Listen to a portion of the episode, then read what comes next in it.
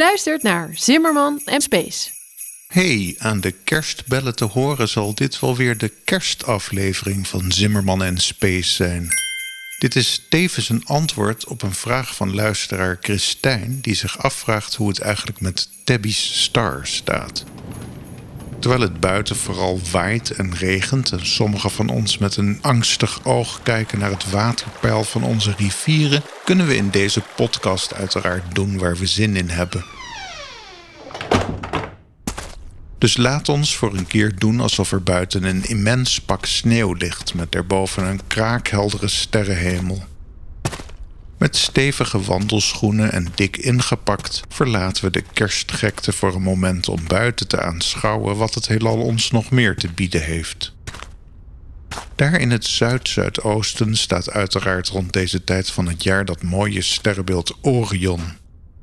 Maar voor Tabby's ster moeten we onze aandacht richten naar de noordwestelijke horizon, waar sterrenbeeld de zwaan Cygnus aan het ondergaan is. De zwaan is dan ook meer een sterrenbeeld om in augustus op te zoeken. Dan staat dit sterrenbeeld zo rond 10 of 11 uur s avonds hoog in het zuiden. De ster waar we het vandaag maar weer eens over gaan hebben, staat in dat sterrenbeeld de zwaan. Tabby's Star, ook wel Boyeian Star genoemd. Wie op dit moment warm binnen zit met een kerstdrankje en deze ster in Stellarium op de computer probeert te zoeken, kan het beste zoeken naar de Guide Star Catalog aanduiding. GSC 03162 00665. Wat was ook alweer Tabby Star? De inmiddels afgeschreven Kepler ruimtetelescoop keek gedurende bijna 10 jaar naar een vast gebied aan onze sterrenhemel. Dit gebied omvatte delen van de sterrenbeelden Zwaan, Lier en Draak. In dit gebied aan de hemel keek de Kepler-telescoop naar 530.506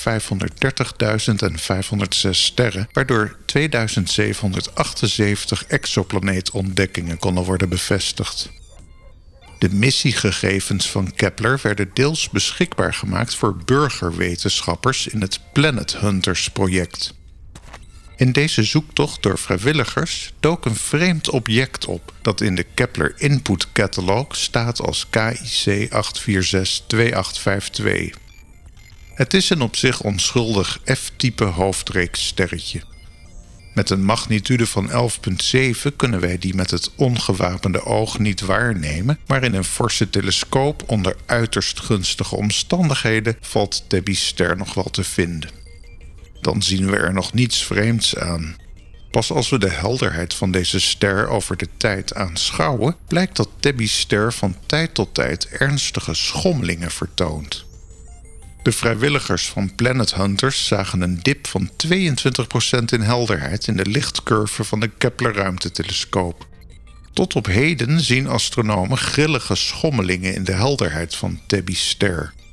En ook in de historische gegevens, al zijn die niet altijd even betrouwbaar, worden anomalieën aangetroffen omtrent de helderheid van Tabby's ster.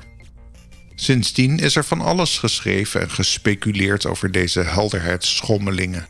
Een zwerm van kometen, ringen van stof, gedesintegreerde planeten, etc.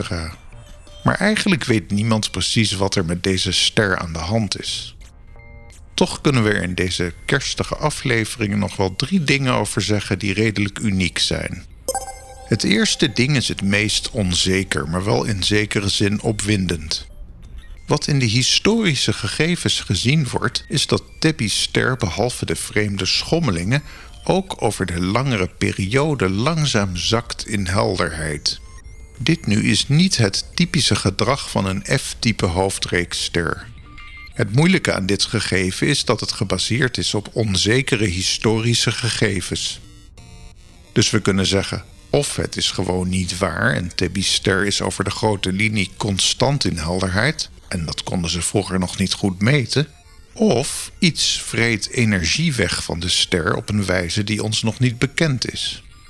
Het tweede interessante ding is dat de hoofdonderzoeker naar wie de ster genoemd is, astronoom Tabby Bayeyan, van geen ophouden weet.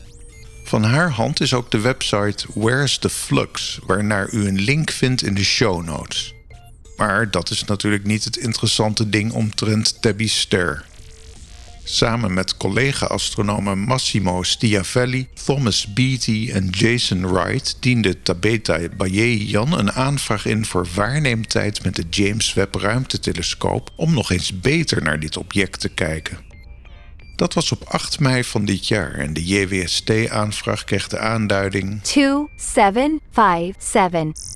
Understanding the origin of Boyajian star occultations. In hun aanvraag stellen de astronomen voor om met de NIRSPEC en MIRI-instrumenten van de James Webb Ruimtetelescoop spectra waar te nemen in het infrarode bereik. En nog spannender, de aanvraag is gehonoreerd en de waarnemingen zijn al gedaan. Het statusrapport kunnen we gewoon opvragen en dan zien we dat er negen observaties zijn uitgevoerd, respectievelijk op 21 juni, 14 juli en 5 augustus van dit jaar. Op de uitkomst van het onderzoek moeten we helaas nog even wachten. Dat zou wel het slechtste einde van een podcastaflevering in de geschiedenis zijn, en daarom is er ook nog een derde ding dat ik u niet wil onthouden. In november 2021 verscheen het artikel A search for analogs of KIC 8462852. Boyajian star. A second list of candidates. van Edward Schmid, astronoom aan de Universiteit van Nebraska in de Verenigde Staten. Schmid beschrijft in dit artikel dat het moeilijk is om zo'n vreemd object als Debbie's ster te kunnen begrijpen met maar één exemplaar om te bestuderen. En zo startte hij de zoektocht naar vergelijkbare objecten. In 2020 begon Schmid hier al mee, maar het artikel uit 2021 beschrijft 15 kandidaatobjecten met vergelijkbaar vreemde helderheidsschommelingen. Hij noemt deze sterren slow dippers, omdat ze tamelijk lange periodes van verduistering kennen. Dat wijkt dus af van wat we gewend zijn van gewone variabele sterren. Schmid gebruikte twee catalogi voor zijn onderzoek de Northern Sky Variable Survey, of NSVS, and the All Sky Automated Survey for Supernovae, of ASA-SSN. Van de 15 sterren die vergelijkbaar grillig gedrag in helderheid vertonen, bleek dat ze opmerkelijk dicht bij elkaar liggen in het zogenaamde Hertzsprung-Russell-diagram. Heb je een vertaling? Dat kunnen we vertalen als dat deze sterren vergelijkbaar zijn voor wat betreft hun spectraalklasse en evolutionaire pad. Maar er was nog iets anders aan de hand.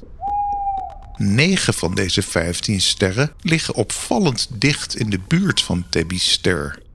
Dat wil zeggen dat ze ongeveer op hetzelfde punt aan de hemel staan, op dezelfde afstand bij elkaar in de buurt daar in het sterrenbeeld de zwaan. Schmid zegt in zijn artikel, en ik vertaal het maar even voor u. Aangezien er nog geen bevredigende verklaring is gevonden voor het gedrag van Tabby's ster, en daarom ook niet voor de vergelijkbare kandidaten in dit artikel, is het voorbarig om te proberen het bestaan van het cluster te verklaren. Echter, de mogelijkheid dat buitenaardse beschavingen interstellaire reizen hebben ontwikkeld en zich hebben uitgebreid buiten hun oorspronkelijke planetaire systemen, is breed besproken in verband met de zoektocht naar buitenaardse intelligentie, bijvoorbeeld in verband met de Fermi-paradox. Als dit daadwerkelijk mogelijk is, zou het kunnen leiden tot een cluster van sterren met bewoonbare planeten over een uitgebreid gebied van de ruimte. Astronoom Villa Roel en collega's, die een zoektocht beschreven naar sterren met ongebruikelijk fotometrisch gedrag, merkten op: als een regio aan de hemel de neiging heeft om een onverwacht groot aantal kandidaten te produceren in vergelijking met de achtergrond, verdient deze regio of hotspot mogelijk extra aandacht met betrekking tot SETI, de zoektocht naar buitenaardse civilisaties. Met deze overwegingen in gedachten stel ik voor dat de dippers in het cluster en andere sterren in dezelfde regio geschikte doelen zouden zijn voor SETI-onderzoeken. Dit hele cluster van vreemde sterren staat op zo'n 1500 lichtjaar van ons vandaan. Dus daarmee kijken we ook 1500 jaar in het verleden. Ik ben heel benieuwd wat Debbie en collega's zelf aantreffen in de James Webb-waarnemingen. Dit jaar gaan we het niet meer horen, denk ik, want het is bijna voorbij. Als er volgend jaar iets te vertellen valt over Debbie Star, dan hoort u het hier waarschijnlijk als eerste. Hopelijk blijft u ook volgend jaar luisteren naar deze podcast. Maar als u liever een terrasje uitzoekt en een Pan Galactic Gargle Blaster bestelt, dan geef ik u geen ongelijk. Voor nu een heel fijne kerst en dat 2024 maar wat meer in de richting mag gaan van de poster met de duif die op ons raam hangt en waar Peace Now op staat. Ik ga maar weer naar binnen, uit de virtuele sneeuw en de ongure wind die is gaan waaien. Tot de volgende keer.